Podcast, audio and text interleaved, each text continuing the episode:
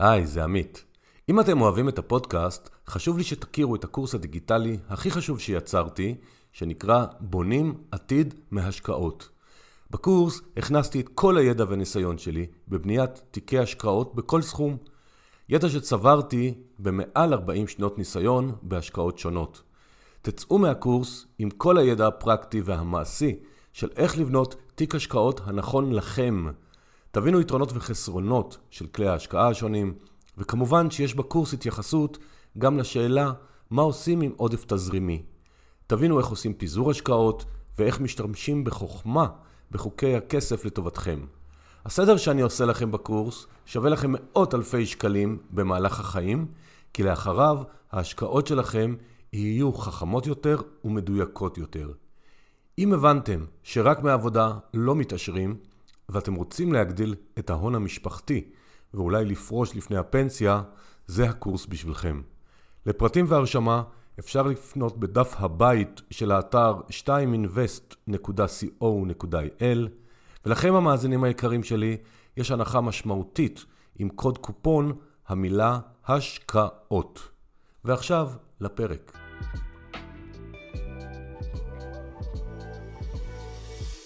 שלום לכולם, ברוכים הבאים לפרק בנושא מניות, הבורסה לניירות ערך והנושאים הקשורים, אני עמית. היום האורח שלי הוא יניב פגות, מנהל המסחר, המדדים והנגזרים בבורסה. שלום יניב. שלום. ורגע לפני שנתחיל אני רוצה לספר לכם שביום שישי, השני לספטמבר, ייערך כנס חגיגי מאוד במרכז. בכנס אני אחגוג חגיגה משולשת, פרק 100.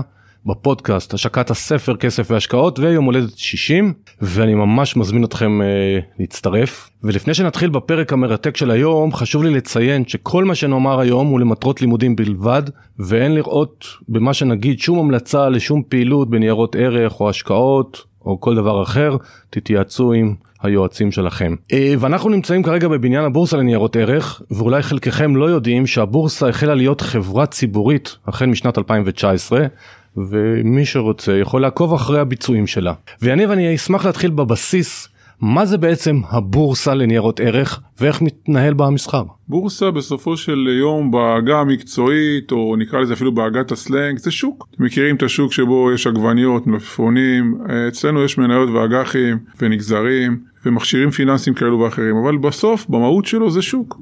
שוק שבו באים כל יום אה, קונים ומוכרים, מסתכלים על המחירים ומחליטים אם זה מחיר טוב או מחיר אה, לקנות או מחיר טוב למכור והדינמיקה של שוק רק בלי הרעש והריחות מתקיימת בדיוק אה, כאן. ובתכלס אני כמשקיע קטן שאני רוצה לקנות או למכור איזשהו נייר ערך.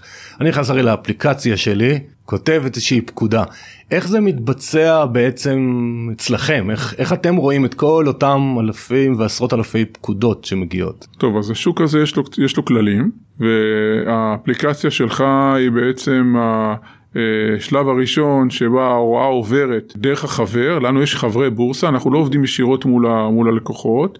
החברי בורסה זה הבנקים שאתם מכירים או החברי בורסה הפרטיים שפועלים. אותם חברים פועלים מול הלקוחות, מרכזים את הפקודות ומעבירים באופן, כאילו באופן ישיר את הפקודות למחשב הבורסה, וכאן המחשב בעצם מאבד את העסקה והעסקה אה, נסלקת, זאת אומרת כסף עובר לחשבון X וניירות ערך עוברים לח, לחשבון Y. מגניב. מי מפקח על הבורסה בעצם? כי אתם גם חברה ציבורית אז אני מנחש שיש איזשהו מפקח עליכם ומה הסמכויות שלו בתכלס. בכובע שלנו כחברה ציבורית אנחנו ילד ככל הילדים, יש פה אה, מעל 500 חברות ציבוריות. כל אחת מהחברות האלו מחויבות ל, ל, לרגולציה מסוימת והבורסה היא לא שונה באירוע הזה. בכובע שלנו כמפעיל אה, אה, בורסה, שלמעשה אנחנו הבורסה היחידה בישראל, הרשות ניירות ערך היא המפקחת, אה, היא המפקחת עלינו, ולמעשה אנחנו כפופים לא רק לפיקוח שלה, אלא גם לפיקוח על התעריפון שלנו, זאת אומרת אנחנו לא יכולים לשנות את המחירים על המוצרים שלנו אה, ללא אישור אה, מראש של מליאת רשות ניירות ערך, ככה שהבורסה אה, מפקחת, הרשות ניירות ערך מפקחת עלינו באופן מאוד מאוד הדוק. אז תכף אנחנו נגיע גם למה אתם מרוויחים, אבל עוד לפני זה, אם אני רוצה להקים מחר בבוקר אה, בורסה בישראל, זה, זה אפשרי? זאת אומרת השאלה היא אם אתה יודע מה התנאים להקים או שהמדינה החליטה שתהיה בורסה אחת? לא, ו... לא, חד משמעי אפשרי, צריך להעמיד הון עצמי אה, משמעותי, מי שנותן את, ה, את האישור לדבר הזה זה הרגולטור, והוא יאשר כאשר מישהו יעמוד עם ה... עם ה יעמיד את המשאבים המתאימים ויעמוד בסטנדרטים, יוכל להפעיל. צריך פה רק אה, היגיון עסקי כדי לה, להקים את אותה, את אותה בורסה. כי היצע החברות אה, אה, נתון, והדרישות גם הכספיות וגם הרגולטוריות הן די גבוהות. מדי פעם עולות אה, מחשבות להקים עוד בורסה, בהצלחה, זה רק, אני חושב שלבורסה תל אביב זה יעשה רק טוב, מהסיבה הפשוטה שכרגע אנחנו נושאים על כתפינו את העול חינוך שוק, הידע הפיננסי במדינת ישראל של הציבור הרחב לא, לא, לא משביע רצון, ולמעשה אנחנו עושים המון המון פעילות בהקשר הזה, וכשתהיה עוד בורסה או שניים בתוך האירוע הזה, אז מן הסתם הבשורה הזאת לגבי היכולת אה, לסחור בבורסה ולהשקיע בבורסה תגדל, יהיה לנו יותר קל, העוגה כולה אה, תגדל, אנחנו מאמינים ביתרונות היחסים שלנו כבורסה בכל אה, סביבה תחרותית שתקום פה. אוקיי, אני זוכר שבזמנו כצפוני, שדיברו פעם שבאזור חיפה אולי יקימו איזה בורסה, ופתאום הפסיקו לדבר על זה, אז אני לא... אני זוכר גם את, ה, את ה, מה שנקרא את הפנטזיה הזאת, פגש פה שזה יקום. נעשה פרק שם, למה פה? אה, אני מוכן לבוא לשם. טוב, צפוני במקור גם אתה. כמה חברות בערך נסחרות היום ומה מחזורי המסחר הממוצע? נמצאים במספרים גדולים ונמשיך עוד דבר אתם בעצם הצלחתם להוריד את רף המינימום לעסקה אז אם אתה יכול ככה לתת לנו קצת הסבר על כל עולמות המסחר. אוקיי okay, אנחנו בפרוספריטי בכל מה שקשור למספר החברות שנסחרות בבורסת תל אביב אחרי שנים שהיה פה קיפאון בכל מה שקשור בכמות החברות הנסחרות אה, אז מתחילת 2019 אה, הצטרפו קרוב ל-150 חברות חדשות אה, לבורסה, הווה אומר ש-30% מהחברות שאנחנו רואים היום בתל אביב אלו חברות שנולדו ילדים בפני, ציבוריים, אני אומר, חברות ותיקות, אבל הם הגיעו לבורסה אה, בשלוש שנים האחרונות. שזה בהחלט רנסאנס בכל מה שקשור, אני אומר את זה גם כמנהל השקעות בעברי, אה, זה מאתגר כדי להכיר את החברות האלו, כדי להיחשף לחברות האלו, אם פעם ההיצע היה פחות או יותר קבוע והמצטרפות כמה חברות בודדות בשנה, אז יכלת להספיק ולעקוב אחרי המידע הזה. היום בגלל שההיצע, יש לנו צרות טובות, ההיצע גדל, כמות החברות מאוד מאוד, אבל צריך לעשות מה שנקרא להפריד תמות מן התבן, דורש מאמץ אנליטי מאוד מאוד גבוה, אה, והיכרות וחריצות. אז זה בצד היצע החברות. בכל מה שקשור במחזורי המסחר, אז אנחנו גם פה בעליית מדרגה מאוד מאוד משמעותית בשנים האחרונות. אם uh, עד לפני 4-5 שנים מחזור ממוצע בשוק המניות בתל אביב היה סדר גודל של 1.2 מיליארד שקל, וזה היה די קבוע במשך כמה שנים. היום אנחנו חצינו את רף 2 מיליארד שקלים, ואנחנו היום נמצאים בחודשים הראשונים של השנה באזור ה-2-3-2-4, שזה אומר הכפלה ביחס לאותו אה, מחזור מסחר שהיה פה לפני 4 ו-5 שנים. אז אנחנו בהחלט רואים גידול במחזורי הפעילות, אפשר גם להסביר את זה. אנחנו רואים אה, גידול בהיצע החברות. והסוגיה האחרונה שנגעת בה זה נושא של גודל הפקודה. פה הרצון שלנו זה לצ... לאפשר לעוד ועוד משקיעים, מה שנקרא חדשים, משקיעים קטנים, עם תיקים של אה, אה, אלפי שקלים ועשרות אלפי שקלים בודדים ולא מאות אלפי שקלים ומיליוני שקלים, להיכנס לבורסה, לפזר את תיק ההשקעות שלהם. אה, ולכן הקטנו את גודל הפקודה מלפני מספר אה, אה, שבועות. במסחר הרציף היה מגבלה של 5,000 שקל למניה ו-2,000 שקל בסוגים אחרים של מניות, ל-500 ש"ח למניה. מה שאומר שאפילו משקיע קטן עם כמה אלפי שקלים יכול לפזר בין כמה קרנות צה"ל, בין כמה מניות, ולא להיות חשוף לנייר בודד, עוד פעם להנגיש את הסיפור הזה, להביא, להביא את הציבור הרחב. ריטל בישראל עדיין לא נמצא בבורסה בהיקפים שאפשר היה לצפות, בניגוד למגמה בעולם, יש לזה הרבה מאוד סיבות, אבל השורה התחתונה, אנחנו פה כדי לעשות יותר, כדי להנגיש את זה. יופי, אני רוצה לחזור רגע להיקפי המסחר, אז קודם כל המספרים שיניב אמר זה ברמה יומית, כלומר אם הוא מדבר על 2 או 2.3 מיליארד שקל, אז זה יומית למי שפחות בקיא, אבל ואמרת שאפשר גם להסביר את, הג... את הצמיחה הזאת מעבר לכמות החברות, אז מה עוד מסביר את ה... גידול במחזורים? אז קודם כל, אני יודע שבחדשות רגילים לשמוע דברים רעים על המדינה שלנו. כי... זה מוכר. כן, זה מוכר. לא כותבים בעיתון על uh, כלב שנשך בן אדם, אלא בן אדם, על בן אדם שנשך כלב. אותו כנ"ל uh, בכותרות הכלכליות, אבל בסך הכל הסיפור שלנו ככלכלה הוא סיפור uh, סופר מוצלח, וזה בא לידי ביטוי בסוף, בסוף היום בתוצאות של, ה, של הפירמות. החברות עצמן הופכות להיות... יותר רווחיות ויותר אטרקטיביות בעיניים של, ה, של המשקיעים. יש פה נקודה שממעטים לשים עליה את האצבע, זה הנושא הזה של הדמוגרפיה של מדינת ישראל. אנחנו במדינה שבניגוד למקומות אחרים שבה האוכלוסייה לא רק שלא גדלה אלא קטנה, אה, גדלה ב-2% בשנה האוכלוסייה או 1.8 בשנה. את הדמוגרפיה פה היא מאוד משמעותית בכל מה שקשור בביקושים לכל דבר וגם למוצרים פיננסיים. תוסיף לזה את החוק פנסיה חובה שחל לפני כמה שנים שבעצם חייב את המעסיקים להפריש לפנסיה לעובדים, מה שאומר שהרבה מאוד כסף נכנס לחיסכון טווח ארוך ביחס לעבר. אה, וזה כסף שבאופן קבוע נכנס כל חודש, אה, כל חודש לשווקים. אם נסתכל קדימה, יש פה כמה רפורמות שאפילו אמורות אה, להקצין את המגמה הזאתי, כי אם אנחנו מסתכלים קדימה, המדינה מתכוונת להפסיק את ההקצאה של אג"ח מיועדות, אג"ח שהיו מבטיחות בעצם ריבית קבועה, ולהפנות את הכספים האלו לשוק ההון, והבורסה פה תהנה מהאירוע הזה, וגם הדבר הזה יתרום, אה, יתרום למחזורים.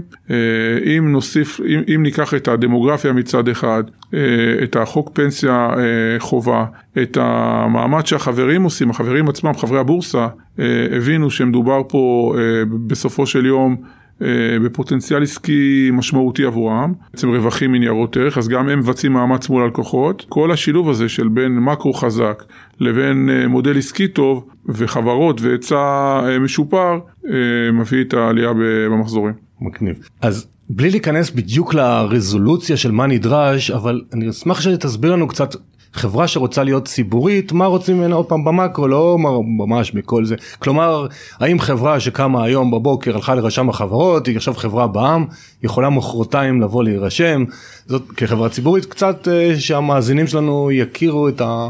מה זה בעצם חברה ציבורית. בגדול המילה חברה ציבורית, הרבה פעמים אנשים מתבלבלים ושומעים חברה ציבורית וחושבים שזו חברה ממשלתית.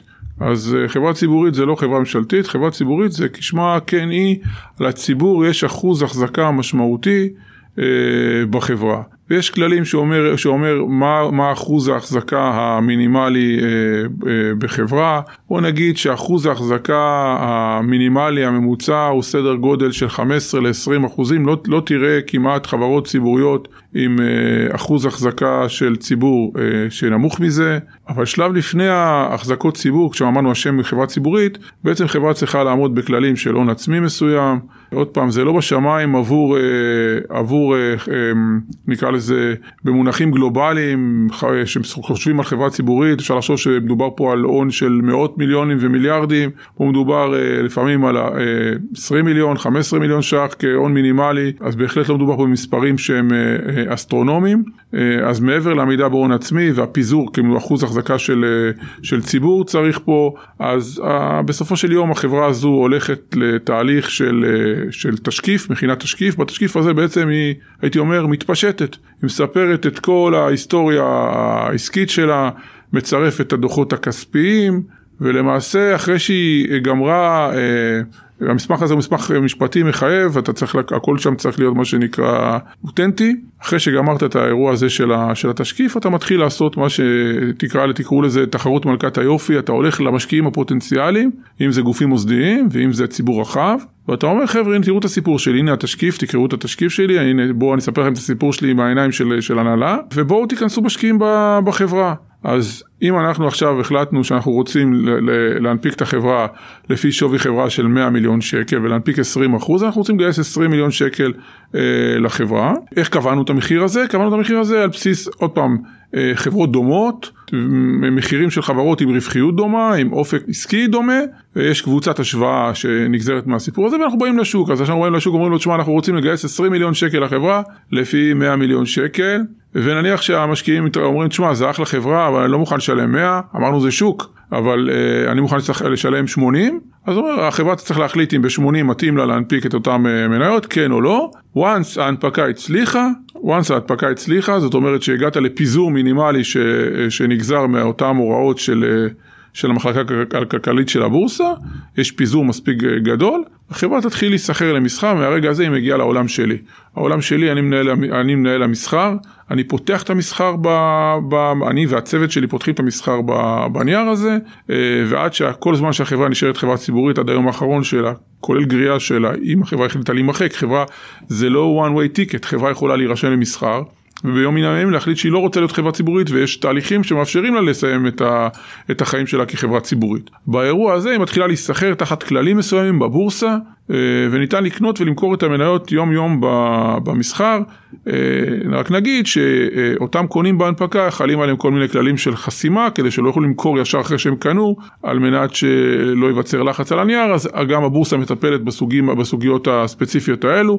אבל אמרנו יש לך חברה יש לה תוצאות שהן תוצאות טובות, עשית תשקיף, הלכת עשית רוד שואו, ניגשת ללקוחות המוסדיים, ניגשת ללקוחות הפרטיים, הצלחת לסגור, עשית הנפקה, העברת להם את המניות, המניות האלו מתחילות להיסחר אחר כך בבורסה, מפה ועד אה, אה, לעולם. אז אם אני מבין נכון אז בעצם אתה תיארת גם עכשיו את המהלך שנקרא שוק אה, ראשוני ושוק משני. הראשוני בעצם אני המאזינים ורובם לא מכיר אותם ואני אין לנו דרך אה, לקנות בהנפקה אה, והשוק המשני זה בעצם הרגע שזה נסחר כן, בשוק הראשוני, ההבחנה שלך היא הבחנה מדויקת. בשוק הראשוני הציבור יכול לקנות, יש מה שנקרא בחלק, אה, אה, לא ניכנס עכשיו לשיטת ההנפקה, אבל בחלק גדול מההנפקות יש איזשהו, הייתי אומר, זנב מסוים. שניתן, שניתן לקנות אותו במה שנקרא במכרז הציבורי. זה תמיד בדרך כלל בשנים האחרונות זה בדרך כלל כמות קטנה יחסית למרות שיש גם מכרזים שבהם הציבור יכול לקנות יותר. אה, אני אפתח סוגריים ואגיד שזה בדרך כלל הנפקות ש, שה, אה, ש, שהחליטו ללכת לציבור. בשורה התחתונה יש לך אפשרות במכרז הציבורי להשתתף ולקנות. השאיפה שלנו כבורסה זה בעתיד להגדיל את החלק של הציבור באותה, בהנפקות ולאפשר להם יותר להשתתף בהנפקות. אה, אבל דיברנו, אנחנו כל הזמן מדברים על מניות ובבורסה בתל אביב יש מחזור, יש, יש את השוק אג"ח הכי מפואר, או בין ה... בוא נגיד top 2, top 3 הכי מפוארים בעולם בעולמות האג"ח. הציבור הישראלי מאוד אוהב את האג"ח כשמדובר בתיקי ההשקעות שלו, כשמדובר במסחר אה, יחידני, מה שנקרא, אה, של אנשים בודדים, אתה, אתה רואה הרבה פחות פעילות של ציבור בשוק האג"ח, ויש לנו פה שוק שהוא, שהוא, אה, שהוא מאוד שכיר. שהוא בעצם בניגוד לעולם ששם זה מה שנקרא מסחר מעבר לדלפק, ששם למעשה הוא לא מסחר אלקטרוני ו... ואתה לא רואה את המחיר באמת אף פעם, וה... והגדולים יש להם יתרון על הקטנים, אצלנו הכל מתבצע על המסך, שקוף, אפשר לקנות, לקנות בהיקפים מאוד מאוד קטנים, אפשר לפזר, אפשר להשתתף, יש פה הנפקות. ופה יש מכרזים לציבור משמעותיים, אפשר גם להשתתף, ויש לנו פה, אתר, יש לנו פה מקום באתר של הבורסה דרך אגב, שלחלק מה, עבור חלק מהבנקים ניתן ללחוץ ולקפוץ מהאתר שלנו אה, לחלק מהחברים, לצערנו החברים האחרים, רוב החברים לא עפו, חושבים שהלקוחות שלהם זה לא מעניין אותם להשתתף בהנפקות ולכן לא, לא, לא אפשרו את הפיצ'ר הטריוויאלי הזה שיכול להיות מה שנקרא אה, מאוד מאוד חשוב, אבל בשוק האג"ח אה, הנגישות של הציבור היא יותר גדולה, אנחנו מדברים, דיברנו על מחזורי שוק מניות קודם, סדר גודל של 2 ומשהו מיליארד שקל ביום, אז בשוק האג"ח המחזור הוא 4 מיליארד שקל ביום, שוק מאוד נזיל, מאוד מגוון, פתרון למי שמחפש אלטרנטיבה לחסכונות, אה, אה, להשקעות אה, סולידיות יחסית. אה, וצריך גם אותו להכיר, מדברים כל הזמן על המניות, אבל צריך להכיר גם את שוק האג"ח. כן, אז באמת הייתה השאלה הבאה שלי, האם חברה שמגייסת אג"ח בלבד, אז הקריטריונים של הפיקוח הם בעצם זהים? ל... יש מעט מאוד חברות, חברות אג"ח כמו שאתה מגדיר אותה, יש חברות אג"ח שמגייסות רק, רק אגרות חוב. אה, כי בסופו של דבר תחשוב על זה שחובות הדיווח הן רחבות מאוד, וחלק מהשיקולים של חברה אה, שהיא הולכת להיות חברה ציבורית, זה האם אני רוצה מה שנקרא לחשוף את התוצאות העסקיות שלי, את התחרות שלי, את, ה, את הרווחיות שלי, זאת אומרת יש פה שיקולים כשאתה הולך להיות חברה ציבורית. ואז אתה צריך ליהנות למעשה נגיד מכל התרומות שלהיות חברה ציבורית נותן לך. לגייס הון זה תרומה ניכרת לחברה כחברה ציבורית, לגייס חוב זה אחלה. אבל זה ליהנות רק מחלק ממה שהבורסה יודעת אה, אה, להציע. אבל יש לנו חברות גדולות כמו חברת חשמל, ש, שחברת אג"ח בהקשר הזה, כמו חברות כמו רפאל שהיא חברת אג"ח, זאת אומרת יש לנו פה חברות מקורות, חברות מהסוג הזה היינו שמחים שהיו פה הפרטות והחברות האלו במניות שלהם היו נסחרות בבורסה בתל אביב. והפלטפורמה של חברת אג"ח קיימת, היא הרבה פעמים, ובחברות יותר קטנות זה הרבה פעמים אה, שלב בדרך שיותר קשה להם למכור כרגע מניות, השוק מכיר אותם, לומד להתרשם מכושר ההחזר שלהם מהפעילות שלהם, ועל ציר הזמן הם באים עם ההנפקת מניות, ואז כבר השוק יותר בשל לקבל אותם.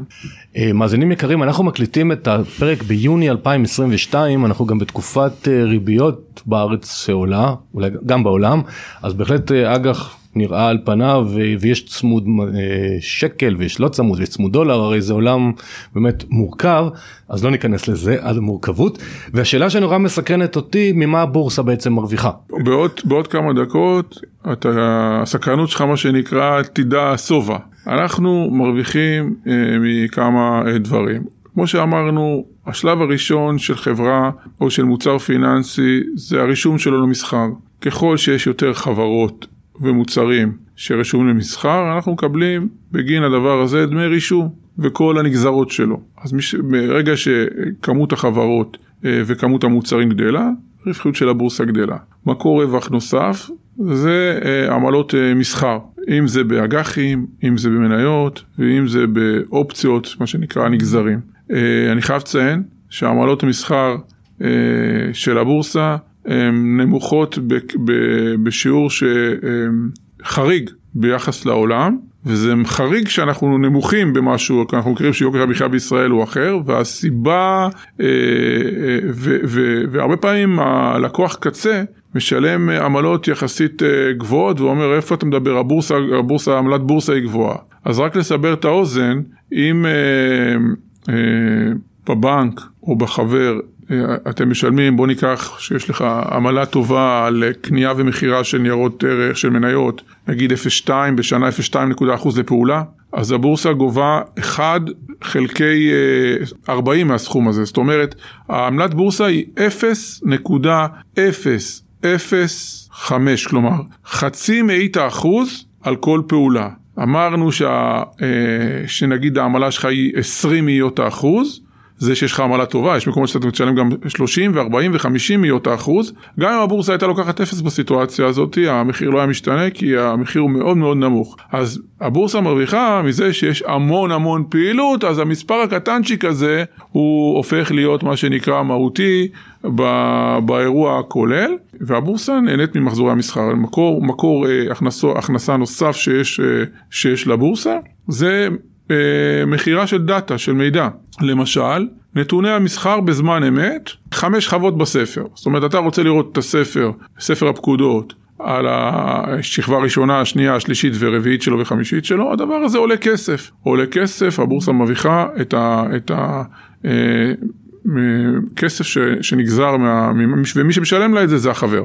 או הלקוח שצורך את, ה, את, את המידע הזה. אז בגדול אלו שלושת מקורות, מקורות ההכנסה המרכזיים של הבורסה, לא רק שבישראל אלא של כל בורסה, יש בורסות בעולם שעושות עוד דברים, אנחנו עושים את, ה, את הדבר הזה, לא אמרתי אה, מסחר, זה מסחר וסליקה, כלומר יש פה מסלקה אה, של, אה, גם של נגזרים וגם של אה, ניירות ערך קאש אה, מה שנקרא, ומסלקה בעצם, המסלקה היחידה בישראל של ניירות ערך, בעצם מה שהיא עושה, היא דואגת שלא רק תסח...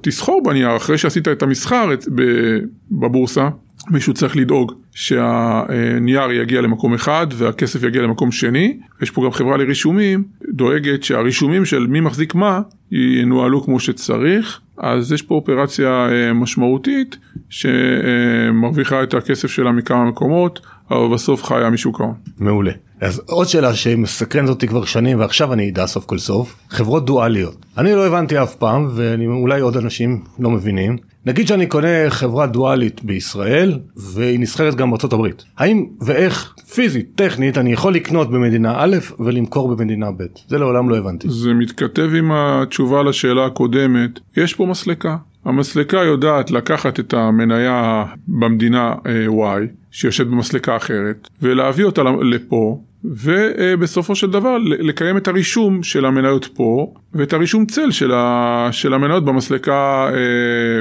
שנמצאת בחוץ לארץ. זאת אומרת אם זה בארצות הברית אה, מסלקות כמו DTC ויורו קליר, כלומר זה מסלקות שבעצם תחשבו על זה בצורה פשוטה אה, לשכה שמנהלת רישום של, אה, של מניות. אז אתה מזכה את הרישום במסלקה ההיא ומחייב את הרישום במסל... במסלקה הזו ובסופו של דבר ירד משם מניה ונוספה פה מניה וההון המניות של החברה לא השתנה, פשוט זה, החשבון מתנהל בשתי מסלקות שיודעות לדבר אחת עם השנייה. אני, אני, זה הבנתי, אני שואל ברמת המשקיע הבודד. יש לי 100 מניות של חברה X בישראל, ועכשיו משום מה אני רוצה למכור אותם בארצות הברית, את אותם 100 מניות. איך אני נותן פקודת מכירה? כי... אתה בתל אביב? אני כן, אני יש לי חשבון בנק אתה, ישראלי. אתה, אתה, אתה אבל... בתל אביב והמניות איפה אתה מחזיק אותן? בבורסה הישראלית. בתל אביב. בתל אביב. החזקת את המניה בתל אביב, מכרת את המניה בתל אביב, והמניה שלך בתל אביב? כן, אבל אני רוצה למכור עכשיו אה, אידואלית, בא לי למכור אותה בארצות הברית. אתה עושה ארביטראז'. כן. אתה בעצם מוכר, אז אתה מוכר אותה בערב בניו יורק, אוקיי? אתה עכשיו נמצא עכשיו בשורט מניות בארצות הברית. אתה צריך להביא להם את המניות, אתה אומר להם חכו רגע. יש לי את המניות האלו במסלקה בתל אביב. מעביר, לוקח את המאה המניות האלו במסלקה בתל אביב. מעביר למסלקה בארצות הברית המאה מניות וסוגר את השורט הזה ש... שיש לך כי בעצם המלאי שלך עבר מהמסלקה הזאת למסלקה ההיא. ואיך אבל איך המחשב עושה את זה ברגע שאני נכנס לאתר ה... לך זה שקוף האירוע הזה מי שעסוק בזה בדבר הזה מי שיודע לנהל את האירוע הזה זה המסלקה של הבורסה אל מול הבנתי. מסלקות אחרות. הבנתי יפה. אה, נעבור לעוד תחום שתחת אחריותך וזה תחום המדדים.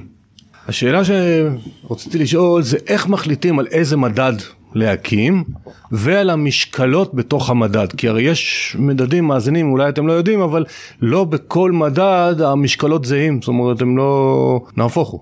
אז איך מחליטים על איזה מדד להקים ומשקלות בפנים? אז קודם כל אה, העולם לא קם אתמול בבוקר ויש לנו מדדים מאוד מאוד ותיקים אה, שקיימים כבר אה, תקופה של 30 אה, שנה לפעמים, ואנחנו עושים להם התאמות, מה שנקרא ברוח הזמן, כמו, ש, כמו שנדרש, אני אתן דוגמה, מדד תל אביב 35 הוא המדד של המניות הכי גדולות בתל אביב, בעלות שווי שוק הכי גדול בתל אביב, בעבר היה תל אביב 25, לפני, ב-2017 הוחלט להרחיב אותו לתל אביב 35, אותו כנ"ל תל אביב 90 שהוא המדד אחד הפופולריים בבורסת תל אביב, היה תל אביב 75 והפך להיות תל אביב 90 ואז תל אביב 100 הפך להיות תל אביב 125 כי בעצם תל אביב 125 זה תל אביב 35 פלוס תל אביב 90 אז גם מדדים ותיקים עוברים מה שנקרא uh, צבע פרמננט וכל מיני uh, שדרוגים על ציר הזמן בהתאם ללוגיקה הנדרשת.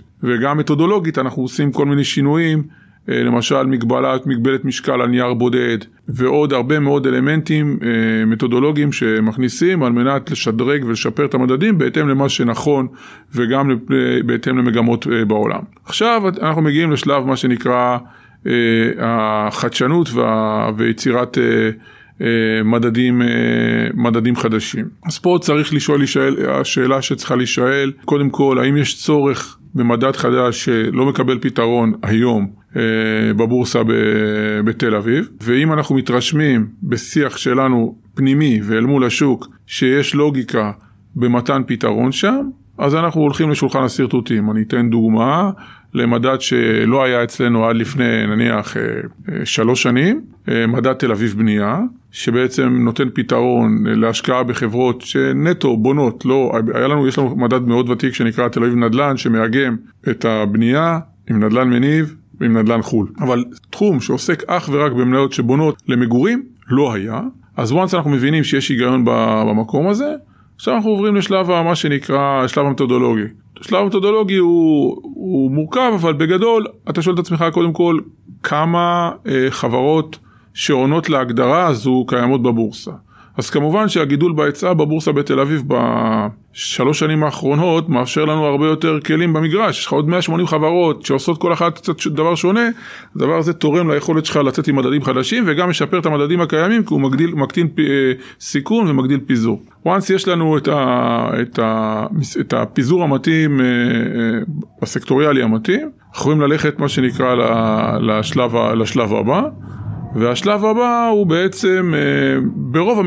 בחלק מהמקרים, חלק מרכזי מהמקרים, זה מה שנקרא מדדי שווי שוק. כלומר שווי שוק בשוקלל עם החזקות ציבור הם בעצם קובעים את המשקל של הנייר בתוך המדד. ככל, שהחברה, ככל שהחזקות הציבור בחברה יותר גדולות, שווי השוק של החזקות הציבור של החברה יותר גדול, ככה המשקל של החברה יהיה יותר גדול. ואז מגיעים כל מיני איזונים, כי יכול להיות מצב שחברה נורא גדולה, ואז היא יכולה לצאת במדד הזה פתאום 30 אחוז. אנחנו לא רוצים 30 אחוז בתוך המדד, גם יש בעיות כאלו ואחרות, אז אנחנו מבצעים כל מיני אה, קטימות וקאפים ומהסוג הזה, על מנת להגיע למצב שאין לנו פוזיציה גדולה. גדולה מדי בתוך, ה, בתוך המדד. ישנם, אה, אז מדד, אלו מדדים מסוג אחד, ישנם מדדים אחרים שבאים למשל יש עכשיו אה, טרנד, זה לא טרנד לדעתי זה, זה ארוך טווח אבל כל העולמות של מי שלא יודע אם דיברתם על זה בעבר או כל העולמות של ESG שזה בעצם השקעות בעולמות של סביבה בעולמות של ממשל תאגידים שופר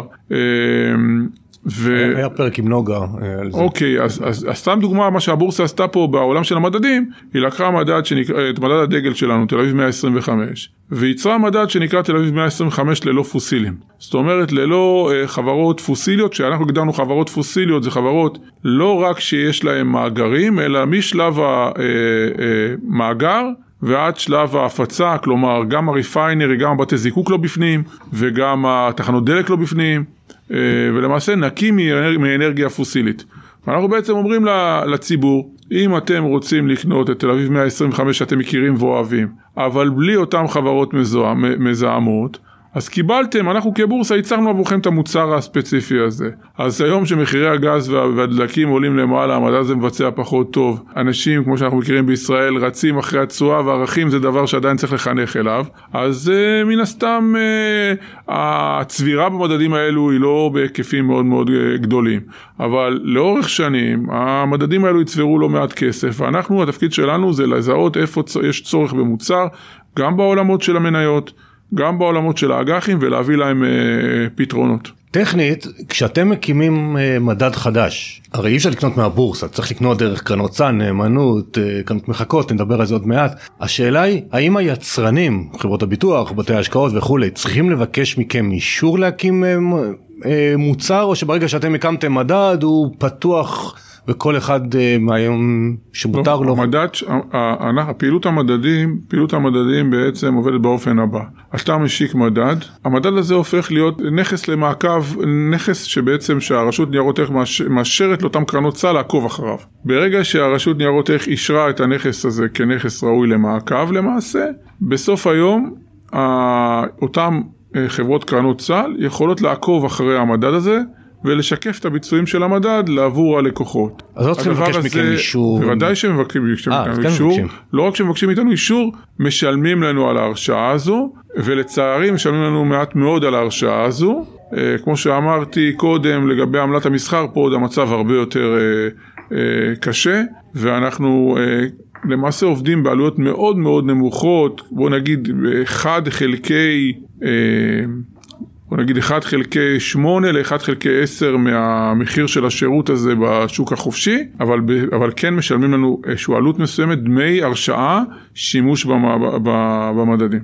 אז אם אני מבין נכון, המחיר שאני כמשקיע קטן משלם לאותו יצרן, לכם אין שום נגיעה על זה, זה שלהם מול יצר ביקוש. בוא נגיד אם תיקח קרן סל שאתה משלם דמי ניהול על מדד שלנו של חצי אחוז בשנה, הדמי הרשאה מתוך החצי אחוז הם לא יותר מ-1 חלקי 100, כלומר מעוד פעם אותך, מאותו חצי בייס שדיברתי, ובחלק גדול מהמקרים גם פחות מזה, כי יש פה איזשהו עמלת גג שאנחנו משלמים, זאת אומרת יש פה באמת, אה, אנחנו כמעט לא, לא רואים אותנו במחיר היום. זאת אומרת החצי אחוז גם הוא לא תלוי בכם, זאת אומרת זה עסק לא, לא. שלהם מסחרי, אתם לא... כמו בעמלות שדיברנו קודם, הבנ... שאנחנו לא במגרש, אנחנו פה גם לא במגרש. אוקיי, אז נגענו קצת בקרנות, היום בעצם יש שלושה סוגים של קרנות, קרנות מחכות, קרנות סל וקרנות נאמנות. קרנות סל וקרנות מחכות כמנהל המסחר יש ביניהם הבדל מהותי? זאת אומרת יש בהם איזשהו הבדל אה, לדעתי הוא די מינורי ואולי אני מפספס משהו אז לכן אני שואל. קודם כל אתה מפספס משהו אבל שנייה לפני שאתה מפספס את המשהו הזה פספסת משהו קודם.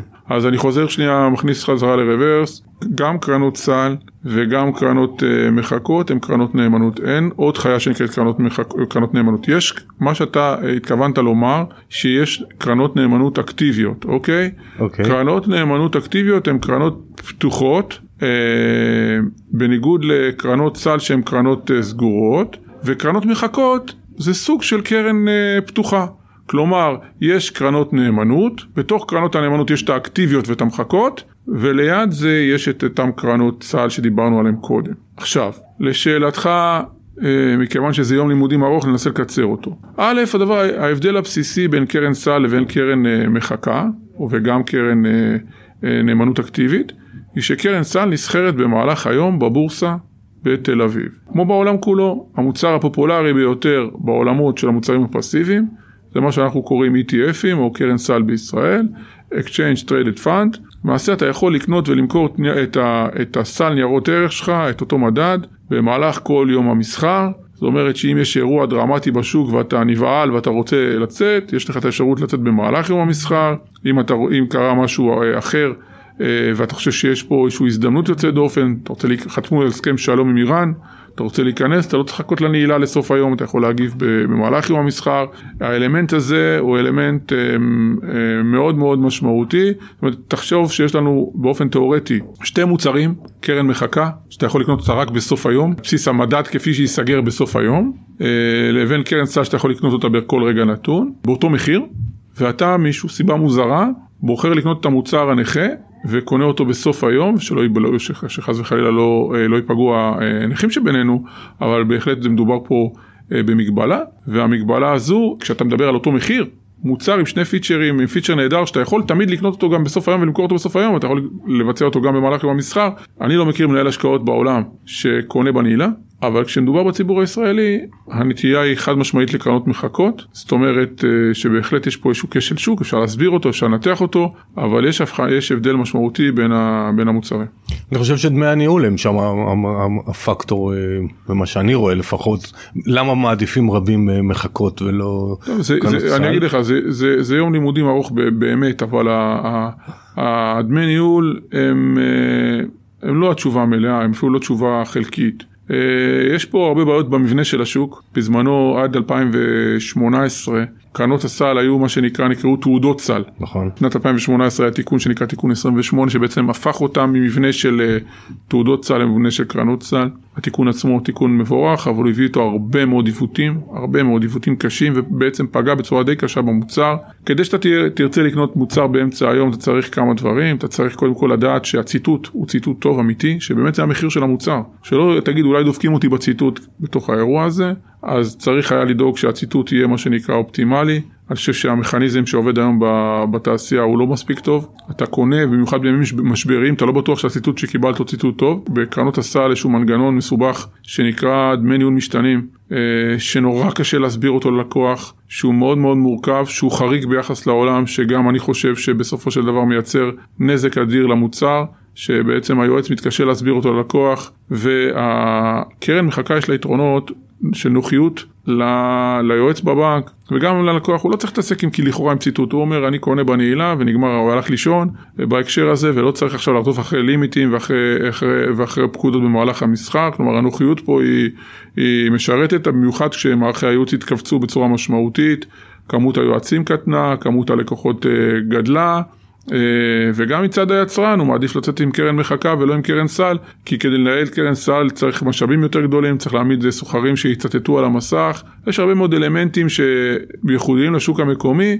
שבעצם מביאים לכך שבשוק הישראלי קרנות מחכות הן הקרנות הפופולריות ומצד שני הקרנות סל שזה המוצר המנצח בעולם נמצא בדעיכה. כן, גם מה שמוזר היה לי בשינוי אה, כלקוח, עוד פעם, קטן, זה שמלעקוב אחרי מדד, זה נעשה את המאמץ לעקוב אחרי... best effort, כן. שזה גם, אני עוד פעם, פחות אהבתי את זה כ...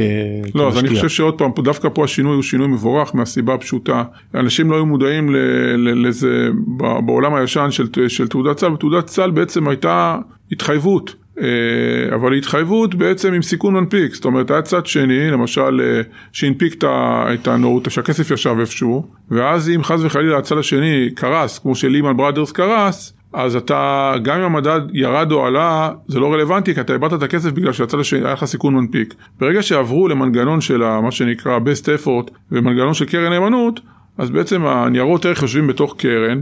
מפוקחת על ידי רשות ניירות ערך, ואז גם אם אה, אותו יצרן גדול פשט רגל, אתה מחזיק בניירות ערך שהם חלק מהתעודה, ויש לך ניירות ערך מה שנקרא שהם שלך, זאת אומרת סיכון המנפיק נוטרל לחלוטין, ולכן הדבר הזה היה חשוב, מעבר לזה שבתעודות הסל עצמם היו הרבה מאוד אה, הכנסות למנהלי תעודות הסל, שהמחזיק לא קיבל אותם, כי הם הלכו לכיס של, ה... של מנהל תעודת הסל ברגולציה הישנה, שהיום הן חוזרות לתוך התעודה ומשפרות את התשואה ללקוח. כיום יש בארץ כמה חברות זרות כמו למשל בלק רוק ואינבסקו שהם מציעים כל מיני אה, מוצרים האם זה קשור אליכם לבורסה לניירות ערך או שהם הולכים ליצרנים ו... אוקיי אז אז אז כשאת אומר כל מיני כל מיני uh, מוצרים אז אלו גופים הכי גדולים בעולם, בסדר גודל אחר לגמרי ממה שכל אחד מאיתנו מכיר. הם באמת משווקים פה לא מעט מוצרים, אבל אה, בהקשר של הבורסה, הם רשמו למסחר אה, קרנות אה, סל זרות, שבעצם זה קרנות סל שנסחרות בחו"ל, וזה סוג של רישום כפול של אותן קרנות סל שהן מאוד מאוד פופולריות ומאוד מאוד אה, גדולות בהיקף הנכסים שלהם אה, למסחר בבורסת תל אביב, החל ממדדים כמו נסדק ו-S&P, פן ואנילה, אינבסקו כזאת, זה, אינבסקו זה התעודה של QQQ זה אינבסקו, כלומר התעודה הכי גדולה על נסדק זה אינבסקו, אז הם עושים רישום כפול למוצר הזה בתל אביב, ויש לנו 39 קרנות uh, סל זרות שנסחרות בבורסת תל אביב, ובעצם מאפשרות למשקיע הישראלי לקנות קרנות סל של היצרנים הכי גדולים בעולם, אה, על גבי המסחר בתל אביב בלי אה, אה, לקנות את זה בחו"ל ולהמיר מטבע ובשעות אחרות, זאת אומרת יש פה גם אלמנט של נוחיות, גם אלמנט של pricing, יופי של מוצר שהציבור לא מכיר. הנה עכשיו הוא מכיר, כן. לכן שאלתי. עכשיו יש גם מדדים שאני רואה לפעמים סקטוריאליים מארצות הברית, למשל על תעשיות הרכב, הבנקים הכי גדולים, כל מיני. זה גם משהו שאתם אה, מייצרים או שזה בא מישהו ומבקש מכם להקים זאת אומרת איזשהו יצרן בית השקעות כזה ואחר או שזה מדדים שאתם מזהים צורך ורצון. לא. יש בעולם אה, עורכי מדדים אנחנו אנחנו כבורסה אנחנו עורך מדד או גם עורך וגם מחשב מדד. בעולם יש עורכי מדדים אה, הרבה מאוד עורכי מדדים חלקם השוק הוא מאוד ריכוזי, אז שלושת עורכי המדדים הגדולים בעולם, רק בשביל שאם כבר הפכנו מה שנקרא למומחים למדדים, אז אה, חברות כמו S&P, כמו MSCI, כמו פוצי ראסל, אלו שלושת החברות הגדולות בעולם, שבערך שלושת רבעי מהשוק העולמי, אה, מרכזות. והן בעצם מייצרות מדדים, כמו שאמרנו קודם, פעילות המדדים של הבורסה, הן בעצם הוגות מדדים ומייצרות מדדים. המדדים, המדדים האלו, אם זה מדדי שוק רחב כמו S&P 500 או MSCI All Country, או מדדים סקטוריאליים על הסקטורים הרלוונטיים ועוד. ואז כמו שדיברנו על היצרן שמגיע לבורסה ומבקש הרשאת שימוש על מדד תל אביב 35 ומשלם עד 9,000 שקל בשנה על, ה, על ההרשאה הזו, הוא ניגש ל-S&P והוא רושם צ'ק במאות אלפי דולרים ומקבל הרשאה לעשות קרן סל שעוקבת אחר מדד, או קרן מחקה שעוקבת אחר מדד S&P 500. ברגע שהוא קיבל את ההרשאה להשתמש במותג הזה ולעקוב אחרי, אחרי המוצר הזה, הוא בעצם עוד פעם מגיש תשקיף לרשות ניירות ערך, הרשות בודקת, ובסוף היום גם אנחנו עושים איזושהי בחינה שלנו בבורסה כ, כמי שבסוף רושם את זה למסחר. בסוף היום הקרן נרשמת פה למסחר אם זה קרן סל, היא נרשמת למסחר, אה, ואנחנו אה, בעצם, אה, ויש פה נייר ערך שסוחרים בו וסולקים אותו כמו שדיברנו קודם, אם זה קרן מחקה רק סולקים, אם זה קרן שנסחרי סל אז היא נסחרת פה. יופי, מעולה. אני רוצה רגע לחזור ל, ל, למניות, יש מושג כזה, אה, רשימות שימור. אתה יכול קצת להסביר מה זה? בגדול, חברה שהפעילות שלה, אה, אה, מה שנקרא, אה, בנסיגה, ולא עומדת בכללים מסוימים, אם זה של דיווח או של, אה, של נזילות ושכירות, אה, נכנסת למקום הזה שנקרא רשימת שימור, שמשם אה, אחר תקופה מסוימת, אם תמשיך לא לעמוד באותם כללים, היא תיגרע ממסחר אה, בבורסה. יש לה את האפשרות לתקן, ואם אחרי תקופה מסוימת היא לא תקנה, אז היא תיגרע. ואם היא נגרעת, מה קורה למשקיע ששם את כספו שם ב... הוא בעל מניות בחברה פרטית. הבנתי, לא מה שהוא התכוון. לא. ממש לא. אה, אתה גם אחראי על תחום שבארץ אה, אני לא שמעתי הרבה שעוסקים בו ובעולם הוא גדול וזה תחום הנגזרים. אה, הוא פחות מוכר. אתה יכול להסביר לנו קצת מה זה אומר נגזרי, מה, למה לדעתך בארץ זה פחות פעיל ו...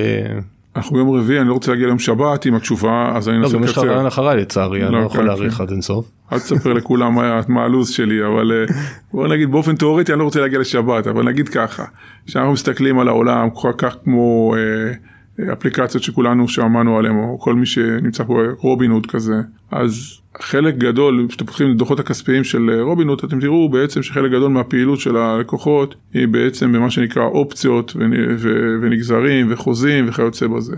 בגדול מה, מה, מה הנגזרים האלו מאפשרים, אני מדבר ברמת הריטל, אבל עוד מעט נדבר גם על המוסדים כמה מילים. נגזר מאפשר לך כמה דברים. א', הוא מאפשר לך לגדר סיכון. זאת אומרת, נניח שיש לך עכשיו תיק מניות, ואתה ממש מפחד עכשיו מהשוק. אבל אתה אומר, תשמע, יש לי מניות טובות. אני רוצה להישאר עם הניירות האלה, אבל אני מפחד מהשוק. יש לך אפשרות, לא ניכנס לאיך, באמצעות הנגזרים, ליהנות מהתשואה היחסית בין תיק המניות שלך לבין השוק. דוגמה מספרית, אם תיק המניות שלך ירד בתקופה הזאת חמישה אחוזים, והשוק ירד עשרה אחוזים, התיק שלך עשה יותר טוב בחמישה אחוזים מהשוק, הוא אמנם ירד, אבל ירד פחות מאשר ירד השוק, אתה תרוויח את ההפרש בין מה שהשוק ירד לבין מה שהמניות שלך ירדו, כלומר אתה, תרוויח חמישה אחוזים. זאת אומרת, התיק שלי עשה יותר טוב, אני מודד אותו ביחס לשוק, אני לא מודד אותו ביחס למשהו אבסולוטי. האפשרות לגדר היא אפשרות יוצאת דופן וחשובה שאנשים לא מכירים אותה, אז דרך אגב זה נכון גם לגבי מטבע, לא רק לשוק, גם בשוק המניות, אתה חושב שהשקל הולך עכשיו למטה, השקל הולך עכשיו למעלה, אתה רוצה להחזיק את, S&P, את, המד, את המניות שלך ולנטרל חשיפה מטבעית, יש לך אפשרות באמצעות נגזרים בעצם להישאר עם המניות שלך ותקרא לזה לגייר אותם, להפוך אותם לשקליות, או הפוך, להפוך את המניות השקליות שלך למניות אה, דולריות באמצעות שוק הנגזרים. אה, אז בעולם הגידורים זה עולם אחד.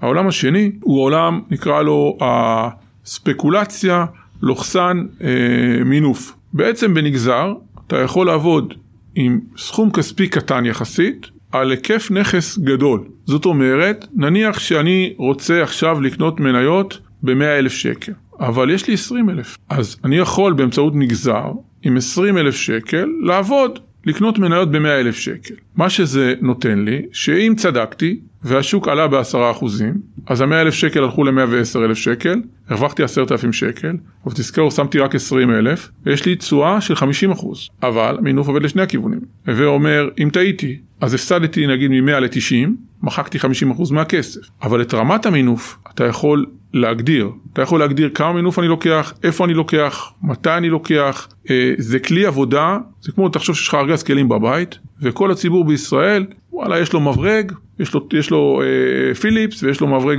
כזה ויש לו פלייר אבל פטיש אין לו. למה? הוא לא יודע להשתמש בפטיש. אז עם, הש... עם היד הוא דופק את המסמרים. למה? הוא לא מכיר, זה מסוכן, זה מפחיד, לא יודע מה, זה יכול לדפוק את האצבע. השילוב הזה של נגזרים, דרך אגב, לא רק ב... עזוב, עזוב לקוחות פרטיים, מנהלי השקעות עבור אחרים, מנהלי תיקים בגופים מוסדיים.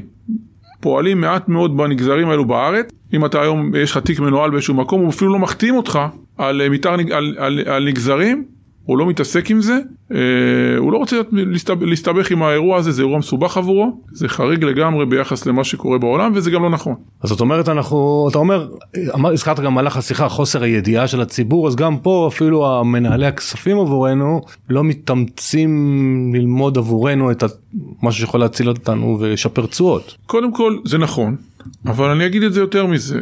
Uh, עוד פעם, מכיוון שמתוך עמי אני חי ואת המנהלים האלו אני מעריך וחלקם הגדול הוא גם חבר שלי, אני עבדתי איתם הרבה מאוד שנים, אז זה, זה אירוע יותר מורכב. קודם כל, רוב המנהלי השקעות בישראל צמחו מעולמות, ה, נקרא לזה, מניות uh, ואגרות חוב, ולא באו מהעולמות האלו שנגזרים, זה מקצוע. זה מקצוע, את המקצוע הזה צריך להכיר, זה מקצוע, uh, לא היית רוצה ש...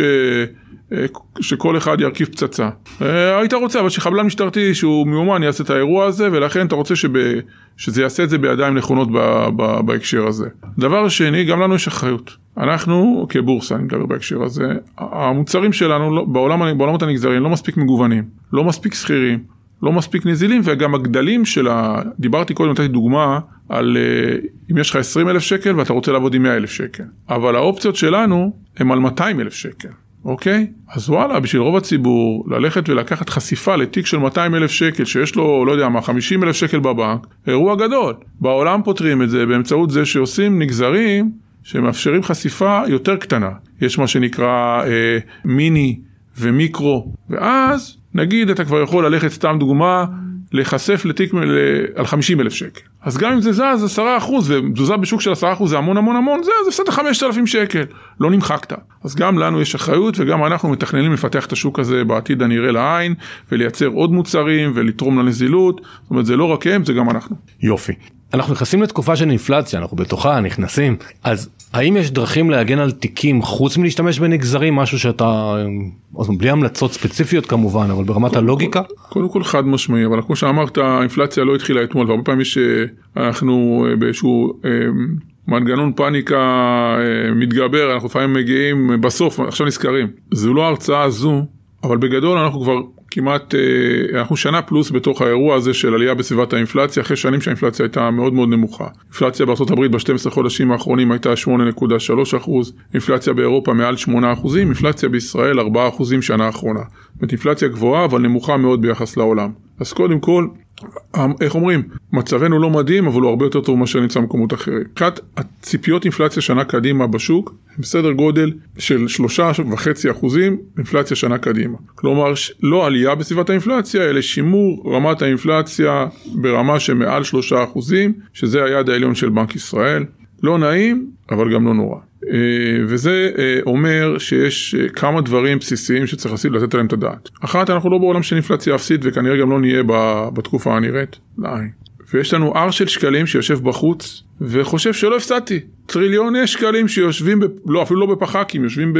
ב... בעו"ש. בעו"ש. ולא עושים שום דבר, ואומרים איזה יופי לא הפסדת, אז uh, צר לי להגיד להם שהם הפסידו, והם הפסידו בצורה משמעותית. אני תמיד נותן את הדוגמה של הטויוטה קורולה, ששנים היית קונה טויוטה קורולה חדשה, אני יודע מה, באזור ה-125, 130 אלף שקל, אוטו חדש, היית רוצה, מוציא אותו מהניילונים. והיום הוא עולה 150 אלף שקל. היה לך 120 אלף שקל שזרוקים בעו"ש, אתה יכול לקנות עכשיו משומשת בת שלוש או בת שנתיים בתוך התהליך הזה. יש מה שמש... לאינפלציה יש משמעות. אנשים לא מרגישים אותה, אומרים לא הפסדתי, אבל אם אתה בשלוש שנים נשחקת בעשרה אחוזים על הכסף כי האינפלציה הסתכמה בעשרה אחוזים, מה לעשות? אתה תוכל לקנות עשרה אחוז פחות ריאלי על הכסף, זה הסל. אז, אז יכול להיות שה, שהסל האישי שלך הוא טיפה שונה, אז זה שמונה אחוזים ואחד אחר זה 12 או 13 אחוזים, אבל וואלה, אמיתית הפסדת. אז זה שלא ראית את התנועתיות בתיק, זה בהחלט אה, בתוך האירוע הזה לא אומר שלא הפסדת ואת זה צריך, זה צריך לשים את הלב ולפתור. הדבר הבא, מי שלא בשוק היום, מי שלא בשוק, הוא יכול, אה, בעצם יש פה, יש פה, אה, הייתה פה, היו פה ירידות חדות בשוק אגרות החוב בישראל בשבועות האחרונים, ואגרות חוב ירדו בצורה משמעותית. יכול ללכת ליועץ שלו, ולהגיד לו, תשמע, יועץ יקר, תראה איזה יופי, אלוהים נגע בי עם מקל. לא הייתי בשוק בחודשים. שמעתי שמדדי אגרות החוב ירדו בצורה מאוד מאוד חדה. אתה מזהה עבורי איזושהי הזדמנות מעניינת, אה, סולידית, למשהו, להחזיק אגרות חוב לפדיון בדירוגים מאוד מאוד גבוהים, עם הצמדה לאינפלציה? התשובה שהוא יקבל כנראה מזהה גם מזהה, אה, וזה משהו שמה שנקרא צרכנות פיננסית, צריך לקחת את, אה, את גורלך ביד, בידך וללכת ליועץ ולהשתמש ביועץ כדי שייתן לך פה פתרון, כי היום אתה יכול למצוא אגרות חוב לטווחים של שלוש שנים בריביות של שלושה, שלושה וחצי אחוזים, זה כבר לא אפס. ואנחנו עוד פעם, אנחנו לא מזלזלים גם בפרומיל, אז בטח שלא בשלושה וארבעה אחוזים באירוע הזה, אז זה דבר משמעותי. במקרו לבל של האירוע הזה, יש לנו פה אגרות חוב צמודות למדד של הממשלה, שזה הנכס הכי בטוח, לטווחים שונים, שנסחרים בבורסה בתל אביב. יש אגרות חוב קונצרניות של תאגידים המובילים בישראל, החל מבנקים וחברות ההחזקה וחברות הכי גדולות בישראל, נדל"ן הגדולות בישראל, ושהן בעצם מנפיקות חוב צמוד למדד. ואפשר לבוא ולקנות את אותן אגרות חוב אה, רלוונטיות, יש פה פתרונות, אמרתי פה שוק אג"ח שהוא חגיגה, ומי שיודע להשתמש בשוק הזה, מה שנקרא, בתבונה, יכול למצוא פה יופי של אה, פתרונות, אה, מה שנקרא, לסביבת אינפלציה גבוהה. מעולה. אז הגענו לשאלה האחרונה, והשאלה האחרונה שאני מבקש מכל מרואיין, זה שלושה טיפים פרקטיים לחיים למאזינים. יכול להיות דברים שדיברת ואתה רוצה לחדד, יכול להיות שלא דיברת, קשור לשוק ההון, קשור לאמונות שלך בחיים בכלל, מה שבא לך. טוב, את השאלה הזאת, כל השאלות הקודמות אה, הקראת לי קודם והתכוננתי, השאלה הזאת זו השאלה היחידה שלא התכוננתי אליה. אני לא, לא מאלו שמאמינים גדולים בטיפים, אבל אני חושב ש...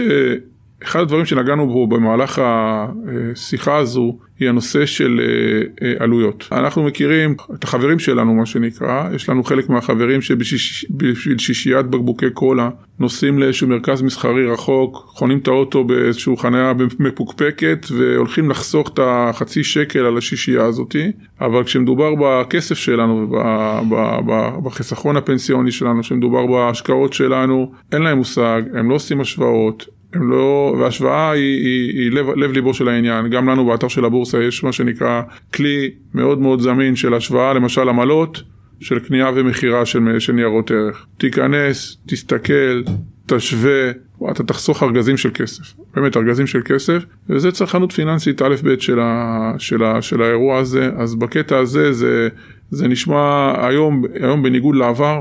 יש היום כלים אה, דיגיטליים מאוד מאוד זמינים. פעם הכל היה עושה, נעשה בחושך, במחשכים.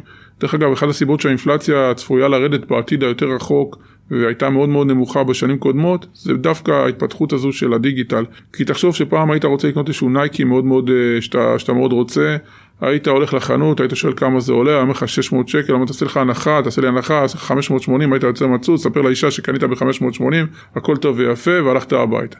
היום אתה עושה גוגל קטן, מסתכל, רואה את המחיר, רואה שזה 230 שקל הזה, הוא אומר לך 580, אמרתי, קנית ב-580, וגם אם לא קנית באינטרנט, קנית אצלו, עדיין קיבלת מחיר הרבה יותר זול. אז הנושא הזה של זמינות המידע, ו- ומחקר פיננסי אה, בהקשר של העלויות, בצד העלויות, אנחנו אף אחד מאיתנו לא יודע מה יוליד יום. אבל מבחינת העלויות אנחנו יכולים לדאוג לעלויות אה, ולהפחית את העלויות ואני חושב שזה הדגש המרכזי שלי בסיפור הזה. יש המון אה, המון וובינארים באונליין, יש המון המון אפשרויות לבוא ולהתעדכן וללמוד נושאים uh, פיננסיים משמעותיים בחינם, בלי לצאת מהספה בסלון. יש לזה מכפיל uh, משמעותי, אחד מהדברים האלו, כמו הפודקאסט הספציפי הזה, אני מקווה ש, שתרמנו במשהו לכל הנושא הזה של הבנה של החינוך פיננסי, מה שנקרא, שכולם אומרים שזה חשוב, אבל מעט מאוד עושים כדי לשפר אותו. מאה אחוז יופי יניב אז תודה רבה אני חושב בהחלט שכן תרמנו. זו סיבה שאני גם עושה את הפודקאסט אני מוציא עכשיו ספר על בסיס הפודקאסט כי חינוך פיננסי זה בדמי. אז תודה רבה תודה רבה על השיתוף על הידע. ומאזינים יקרים תודה רבה שהייתם איתנו. אני מזכיר לכם להירשם לכנס שיארך בשני לספטמבר הלינק באתר שלי toinvest.co.il ונשתמע בפרק הבא. תודה.